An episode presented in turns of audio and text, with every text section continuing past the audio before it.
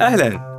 تحدثنا في الحلقة الماضية مع الأستاذ محمود الشنقيطي في حديث ماتع وشيق عن تاريخ القانون ومقدمة عن اقتصاديات مهنة المحاماة. في هذه الحلقة سنستكمل حديثنا عن اقتصاديات مهنة المحاماة مع التطرق إلى مواضيع تخص عمليات التوظيف، الملف التدريبي للمحامين المتدربين، وأساسيات الدخول إلى مهنة المحاماة اقتصاديا. أتمنى لكم مستمعينا استماعا ممتعا. آه طيب أستاذ محمود ننتقل لمحورنا الأخير وهو عمليات التوظيف والاستراتيجيات والآليات المتبعة كثير من يعني من واقع آه، تجربتي أنا من طلاب يسألوا آه، كيف ممكن نلتحق بفريق مكتب المحامي محمود الشنقيطي شايفين إنه التحاق جدا صعب. يسألوني باعتباري عضو سابق. فأقول لهم إنه في أمور تعتمد على ال hard skills ال soft skills في أمور تعتمد على رأس مالكم البشري. أنت قد إيش حتعطيه؟ أنت قد إيش حتاخذ؟ اقتصاديات وأرقام ونظريات كثير جدا. في استبيان أجرته شركة بي دبليو سي المعروفة. نعم، نعم. بتقول إنه آه، أغلب مديرين الأعمال حول العالم مديرين تنفيذيين بيقولوا إنه الموارد البشرية غير مؤهلة وغير كفءه إنها تمسك اعمالا، إحنا بنصرف عليها أكثر ما إنه إيش؟ إحنا بناخذ منها. من وجهة نظرك وبكل صراحة أعطينا وجهة نظرك في المحامين المتدربين، في الموظفين بشكل عام، سوق عن سوق العمل المهني في المحاماة، نقاط الضعف، نقاط التحسين، نقاط القوة بالنسبة للمتدربين. طيب دائما من العدل إنه لما نتكلم عن نقطة نأخذ بالاعتبار شأننا المحلي وإمكانياتنا وثقافتنا. صحيح. يعني ما ينفع نجي على معايير محامي متدرب في أمريكا وفي بريطانيا ونقررها في جدة أو الرياض أو جميل. المدينة. وهذه هي البداية. أو هذه هي البداية. مضبوط. لذلك أنا عندي نظرية أنه لابد أنك توائم بين طموحك في المتدرب وبين بيئتنا وثقافتنا. جميل. لابد أن أكتب لا أتحدث من واقع تجربة عملية. الملف التدريبي اللي يحمل المحامين المتدربين رائع جدا كتجربة أنا أشوفها. نعم. جميل. لأني يعني تعاطيت مع يعني أو سجلت محامين متدربين بعدد يعني يقترب من الخمسين. الحمد لله نتائجهم رائعة وممتازة. تمام؟ ف أنا أقول هذا الشيء لأنه قد يكون البيئة لها دور في نظرتنا لنجاح المشروع. لكن على في الجهة المقابلة بعض الزملاء يقول لي والله يا أخي أنا أرى أنه الملف التدريبي يعني بائس جدا ولا أرشحه لأنه ناجح بمكوناته المتدربين. هذا رأي موجود. طيب ليش أنا عندي رأي وزميلي عنده رأي وبيئتنا واحدة. في في خلل يقينا هو موجود. لكن الحجة اللي تنتصر أنه المشروع ناجح. هذه هي الحجة اللي تنتصر في النهاية. وعوامل الفشل قد ترجع لتجارب موضوعية راجعة. يعني مثلا أنا آه، ما أحكم على أنه كل الخمسين المتدربين اللي قيدتهم في وزارة العدل ترى ترى ليس تد ليس قيد وهمي. رسمي حقيقي رسمي موجود و... أمامي يتدربوا. مني بشكل مباشر أو من المساعدين اللي معايا القدماء. الاستراتيجيات تكون عندي في عملية تغذيتهم تغذيتهم ب آه، طريقة العمل المعرفة القانونية بجميع مشتملاتها تكلمنا عنها سابقا وليس فقط. أنا أنا لست معني دائما ببعض النقاط اللي هي مسؤولية الشخص أنه هو يطور نفسه في النواحي الفنية القانونية. صحيح. والقراءة وهذه المواضيع معني بأشياء ثانية مرتبطة بمسايرة المهنة لأنه المهنة يستطيع أنه هو يناولها الشخص الضعيف والشخص المتوسط والشخص العالي في النهاية. في النهاية أنت راح ترخص وقد يكون لك زباينك لأنك ضعيف. صحيح. ضعيف. يعني شخص لا تستطيع أنك تمسك يعني عميل حجمه كبير لكنك موجود في المهنة ومتواجد. هذا موضوع ثاني أنه لا نستصغر أي أحد حصل على الترخيص. لأنه يعني في يعني أسلوب غير لائق موجود بأنه آه، لمز وهمز في شخص مرخص وغير يعني كفء طالما إنه هو حصل على الترخيص في هذه المرحلة لسه ما زلنا عمرنا مبكر في المهنة فيجب أن تحترم يعني بداياتنا. إذا صار لنا مية سنة وثمانين سنة وسبعين سنة في الشأن المهني وصارت عندنا تراخيص وصار إنه لابد إنه نجود بيئتنا المهنية أو نلتفت للكواليتي في المحامين والكلام هذا لكل لكل مقام مقال جميل. ما ينفع طرحها الآن عشان أنت تستأثر بنظرية معينة تتعلق ب آه، يعني جودة العمل المهني.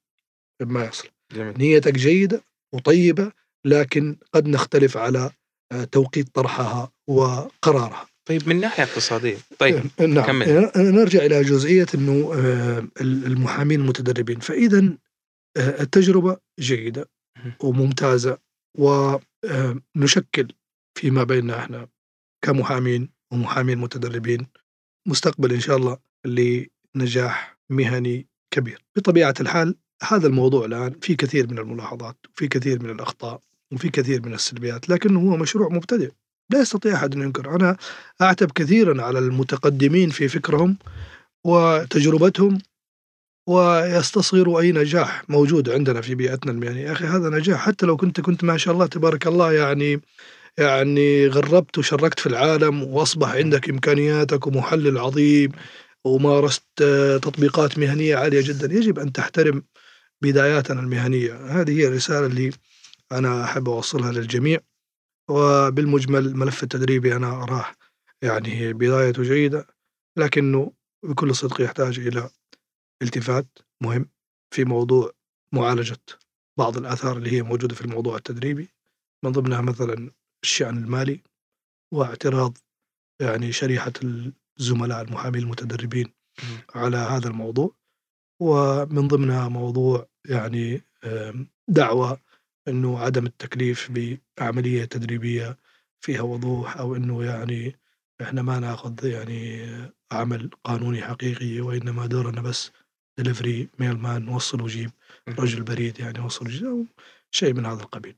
وبالطرف المقابل الدعاوى اللي هي من آه، زملائنا المتدربين اللي هي يعني قد تكون فيها نوع من المبالغات. هذه حقيقة إنه زملائكم المحامين يقولوا إنه هم مروا ببدايات متواضعة وفيها صعوبة. وأنا تكلمت على مستوى الشخصي إنه فعلا هو يعني أنتم أيضا المتدربين يقول لك أنت كل ما جاء محامي يقول إنه أنا بداياتي كانت متواضعة. هذه حقيقة ما, ما, ما إحنا ما نجيب حاجة من من من موضوع لهذا يعني. ولو إني يعني المفروض إني ما أتكلم كثير في موضوع التدريب بحكم إني ما كنت محامي متدرب إلا لفترة قصيرة لكنه بإمكانكم تسألوا محامين المتدربين وهم موجودين يعني كثير منهم أنا أعرف إنه ما زالوا يحتفظوا ببدايات فيها تحدي كبير الآن. في بداياتهم كان في تحديات كبيرة وسمعتها من زملائنا اللي هم موجودين. فلا يعني إنه الموضوع ينتهي فلازم إنه البيئة تكون يعني تساعد على إنه الشخص يحب هذه المهنة كثرة النزاعات وكثرة ال- الأخذ والعطاء في هذه المواضيع قد ورايناها تبعد بعض الأشخاص عن مهنة المحاماة وهذا شيء غير صحي غير صحي وغير يعني الاستمرار فيه غير غير مجدي لآمالنا بانه المهنة هذه تتطور بكل مستقبلاً. مستقبلا نعم طيب. جميل طب أستاذ محمود في سؤال دائما تساؤل يخطر في بالي ودائما أسأله وطرحته على مجموعة من الزملاء ووجدنا يعني نفس التساؤل موجود بالنسبة للمحامي المتدرب كمحامي متدرب نعتبره من الفئة المتوسطة لا هو شاطر ولا هو إيش؟ بليد. نعم. كم يكلف مكتب المحاماة خلال الثلاث سنوات هذه؟ تقديريا كرقم. إذا كنا بنعطيه آه ال basic salary أو الراتب المحدد كحد أدنى وفقا لوزاره العمل رغم إنه متدرب ما إحنا مشترطين إنه إحنا نضيف والله هذا الموضوع يعتمد على حجم أو طريقة أو معايير أو مواصفات. المكتب. جميل. في مكاتب في تكلفتها التشغيلية يعني تكلفتها بسيطة جدا كتأسيس وكقيم إيجارية. يعني تلاقيه مثلا يعني مساحة المكتب متواضعة بسيطة يعني 50 متر وفي مكان يعني ما يعتبر حيوي جدا. بالتالي القيمة الإيجارية مثلا عنده ما تكون عالية ما تكون عالية. أو يختار مكان يكون قريب من تقديم الخدمة في المحكمة مثلا إذا كان هو متوجه أكثر عمله إلى التقاضي. تجد عنده أيضا ما في مشكلة في موضوع ال- المواصلات وتوفير ماشي. وفي مكاتب محاماة طبعا آه، عندها معايير إن هي يعني عندها خطة وعندها فريق عمل. تكلفة التشغيلية تكون أعلى من المثال الأول. مهم. وفي مكاتب طبعا تكلفتها التشغيلية عالية بسبب وجود خبرات كبيرة لديها رواتبهم عالية وجود عدد من المحامين وجود عدد من المستشارين فهمتني؟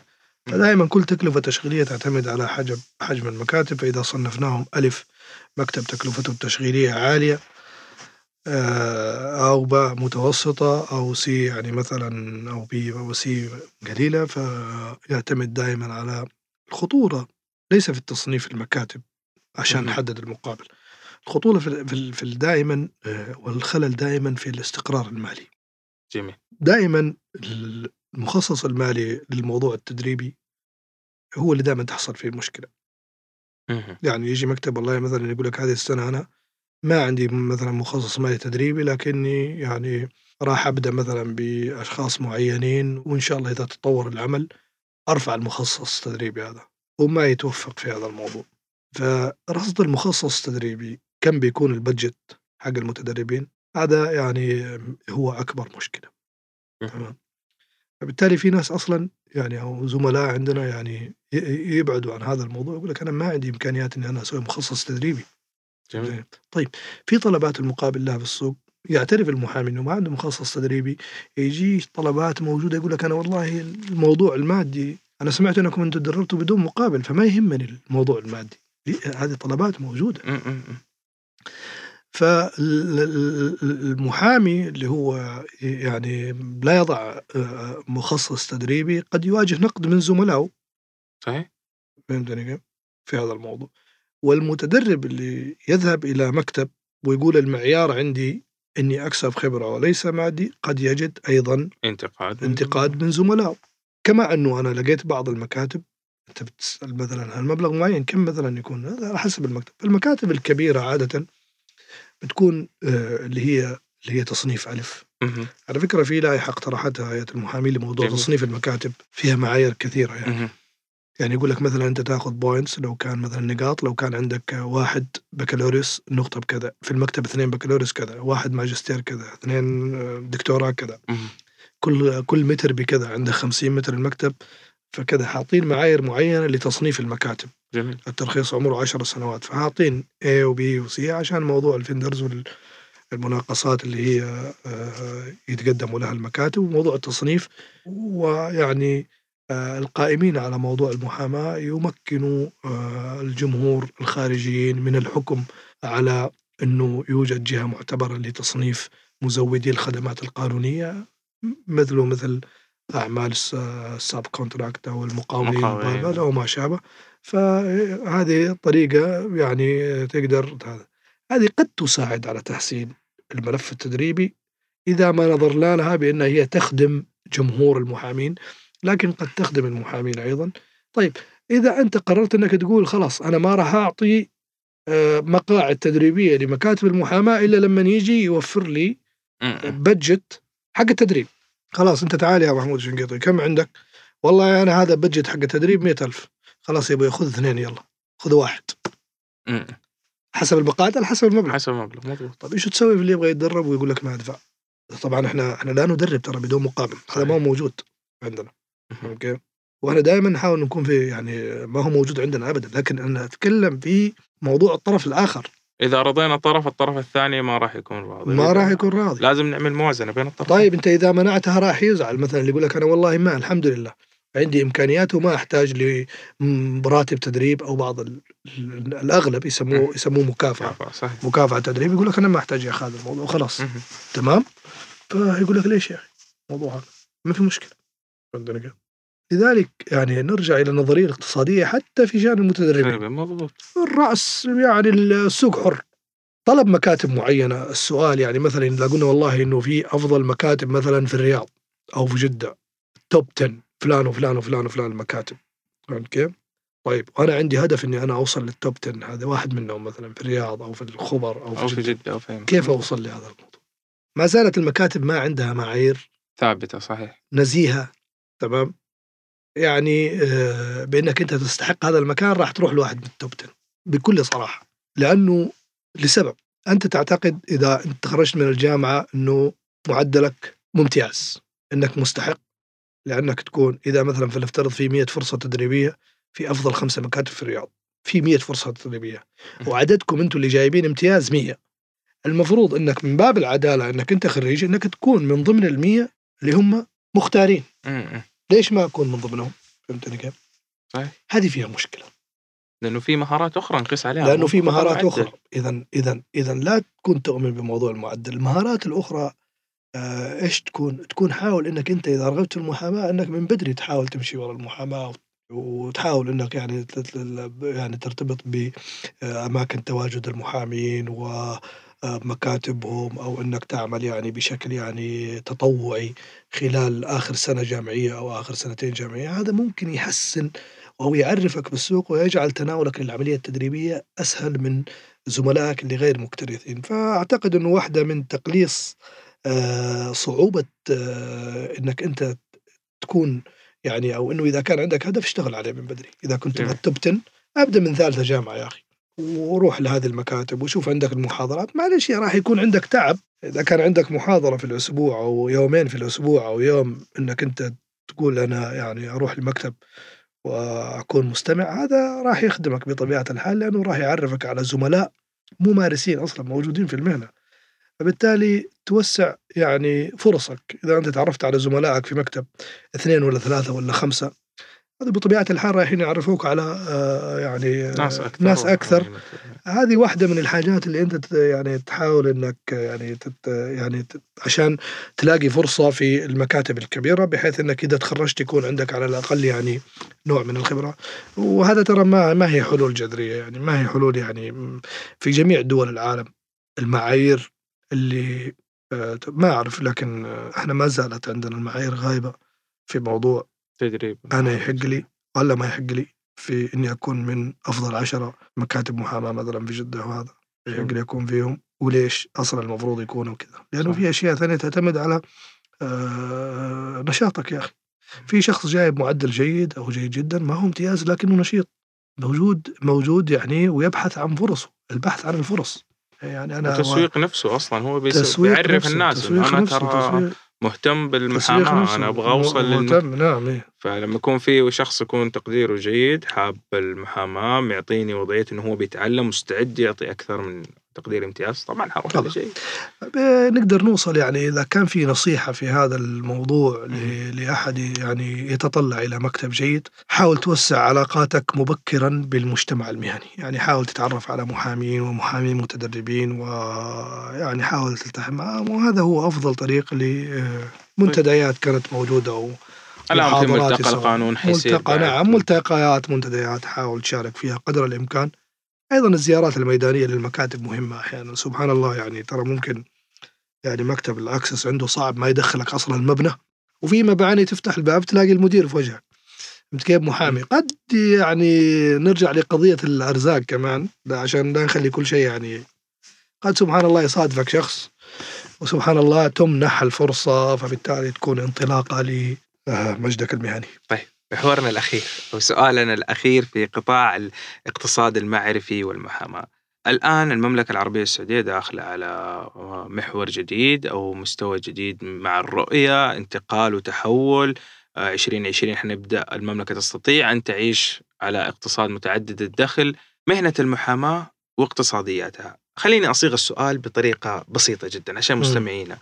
إذا كان في محامي أو مرخص الآن أو محامي مبتدئ. حاب يفتح مكتب محاماة احترافي وفق معايير المملكة العربية السعودية في عام 2020 نعم.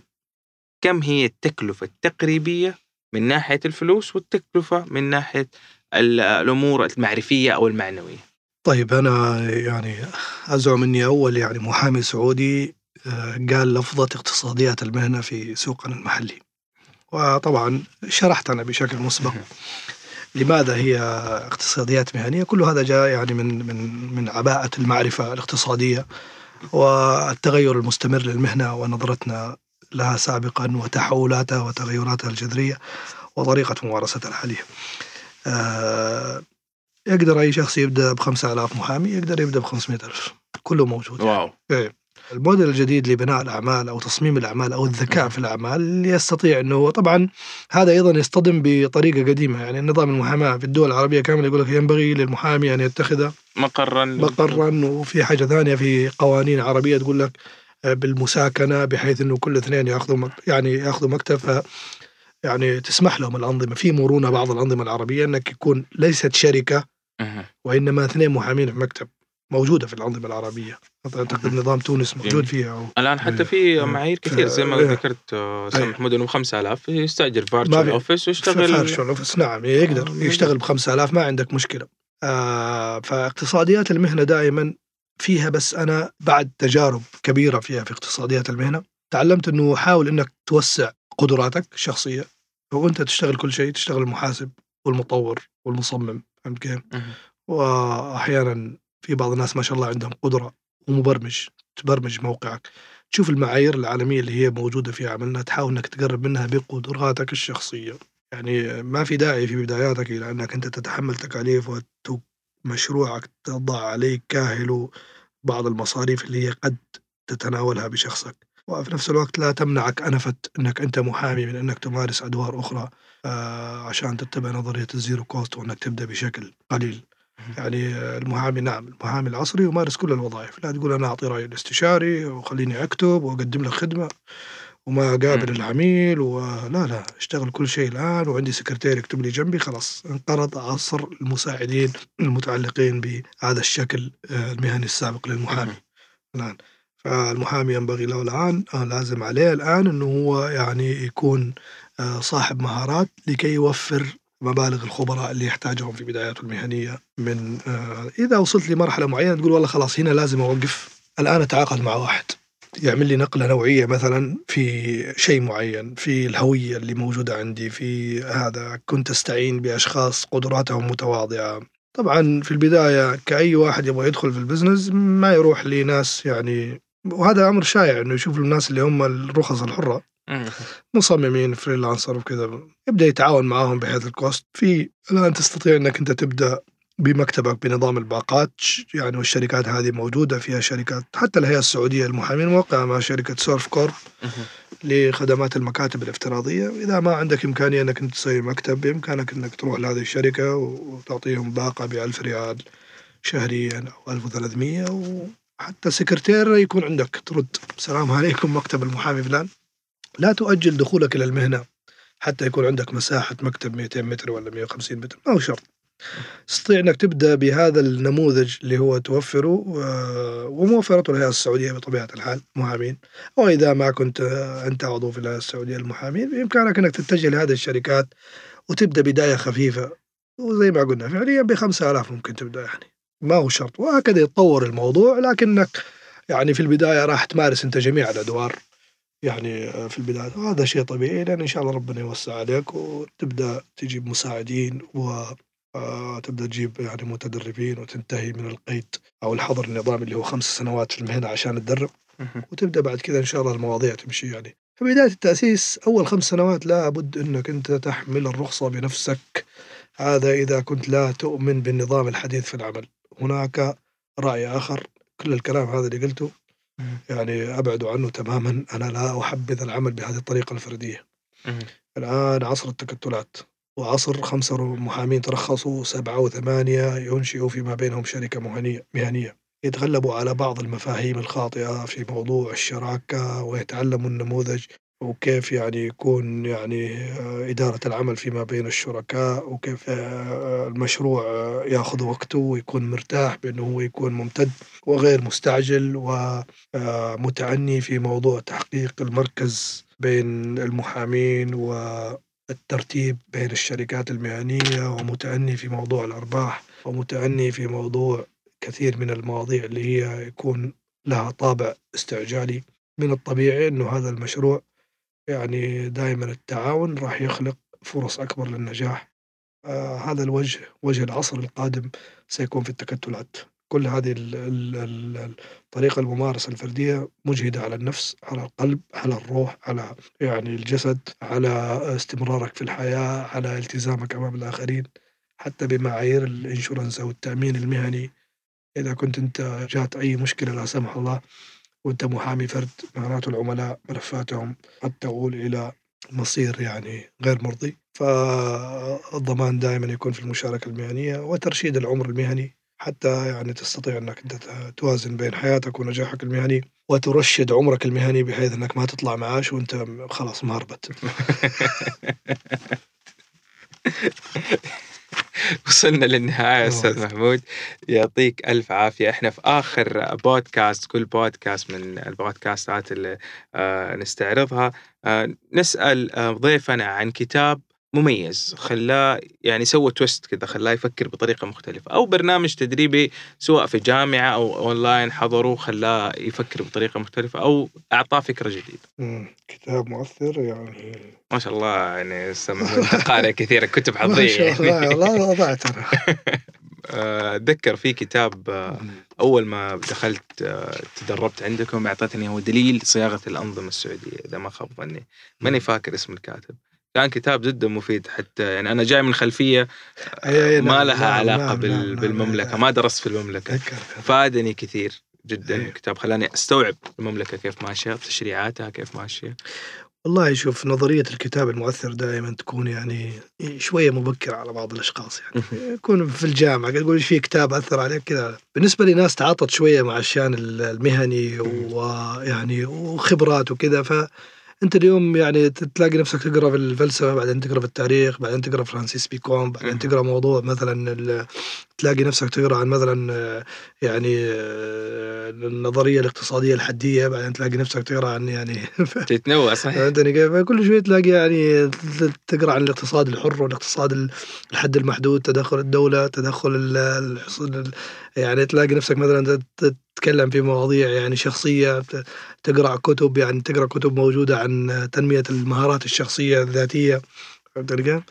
آه، فالقراءة يعني في تلاقي نفسك تحتاج إلى أنك أنت تتعلم مثلا بعض الأشياء ال- ال- ال- مثلا في التصميم أو في آه، مثلا يعني في الإكسل المالية. المثال. في الإدارة المالية في ترشيد النفقات في راح تفهم القضية هذه تروح ترجع لكتب مالية وهكذا ترجع في القراءة دائما تتبع الحاجة جميل القراءة اللي هي دائما تقول أنا والله عندي رصيد من القراءة هذه يعني يعني سلاح يعني قد لا يصمد كثيرا المثقف دائما آه، ال- الشخص اللي عنده ملاءة يعني في القراءة يعتمد على أنه هو يعني قارئ موجه. يعني القارئ الموجه هو دائما أفضل من القارئ اللي هو يعني خلاص انت فلذلك حجم يعني أنت ال- ال- الأشياء اللي تقراها دائما مرتبطة بالاحتياج دائما.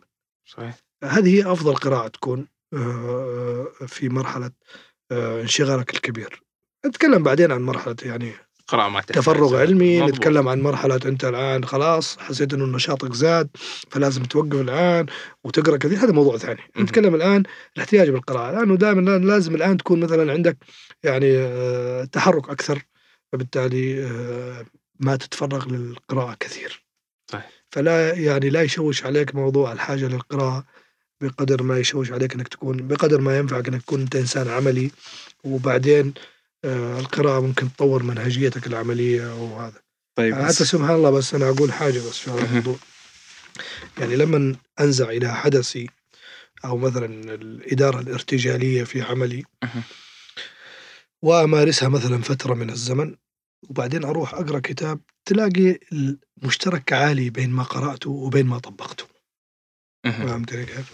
فغالبا التجارب الع- العملية أو التجارب المهنية آه، قد تنتهي في كتاب وتقول أنا درسته في كتاب الحياة فما عندي توصية معينة على التوجيه لكن آه، وما حتى نظرية الزمان كان يقول لك اللي شاطر يروح التخصصات اللي هي العلمية مهم. واللي يقرأ تاريخ كويس يروح المحاماة هذا الكلام ما هو يعني الآن ما يخدم ما يخدم. آه، ما يخدم نظرية هو- قديمة نظر- جدا. نظرية قديمة الآن. خلي خليه المحامي الآن قد يكون عنده. احتياجات كبيرة جدا موضوع يعني مثلا العنصر اللي تكلمنا عنه مهم. اختصار. موضوع ال- يعني مثلا موضوع ال- اللي يتبع الإبداع وكذا الحاجة تشعر بحاجات الآخرين إذا أنت عندك مشكلة غير متصالح مع نفسك في قبول الآخر والشراكة كيف تنشئ مؤسسة قانونية فأمامك شوط الآن تقطعه على أنك أنت تهتم بموضوع آه، عاطفتك والأنا وموضوع يعني آه، يعني آه، تحقيق المصالح الشخصية الذاتية.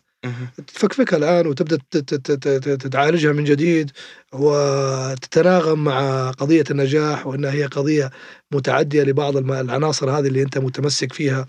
وقد لا تحقق لك يعني أي تقدم لأنك أنت ما زلت يعني آه، معتد بنفسك للحد الذي تستطيع أنك أنت تنجح وتواجه الحيتان طيب أستاذ محمود نصيحة أخيرة ختامية للمحامين محامين متدربين طلاب قانون كذا نصيحة ذهبية زي ما يقولوا. نصيحة ذهبية يعني آه، الوقت. لا تقول أنا محامي مليء قبل سبع سنوات. هذه النصيحة اللي يعني أنا جميل. أعطيها للآخرين. يعني يمكن أحاول أن تؤجل الحديث لأن تحكي قصتك إلى ما بعد سبع سنوات من أول يوم عمل في المهنة. جميل جدا. حتى لو كان حديث يعني مقتضب. تمام. يعطيك ألف عافية. وهذا أول حديث لي بعد آه، 18 سنة. 18 سنة. أول حديث ونتشرف. طبعا في بيوند ولا عندي أي شيء يعني أنا يعني يعني يعني ولا ولا أديت دورات قبل كده ولا أخذت دورات. فهمتني كيف؟ فتقريبا هذا يعني وكان مميز معاك إني أنا شرفتنا يعني والله أستاذ محمود إنك حتى أعطيتنا الفرصة إنه أول حديث لك بعد 18 سنة من المهنه نعم. يكون مع بيوند أول مرة بودكاست. أتكلم فعلا بعد 18 سنة في هذا شكرا لك أستاذ بهذا محمود بهذا العمق وإن شاء الله إنه يعني بهذا ما نقول بهذا العمق بمر تجربتي أنا الشخصية أعتقد لا أدعي إنه عمقا لا ما. ما بدي أدعي إنه عمقاً. حقيقة تجربة مثرية لكن، جدا رحلة آه، طويلة رحلة- أخذت أخذتنا اليوم ما شاء الله من طلاب القانون طلاب الثانوية إلى المحامي حتى يصل مم. وممارس مهني ويصل للنجاحات المهنية شاكر إن ومقدر الله. لك وقتك. متفائل بالسوق المهني ومتفائل بنجوم المهنة القادمين إن شاء الله بإذن الله شاكر ومقدر لك العفو. أستاذ محمود العفو. شكرا لخبرتك المهنية ومشاركتها معنا في بيوند لو بودكاست أتمنى بأن أسئلتنا تكون خفيفة كده ما كانت ثقيلة ويعطيك ألف عافية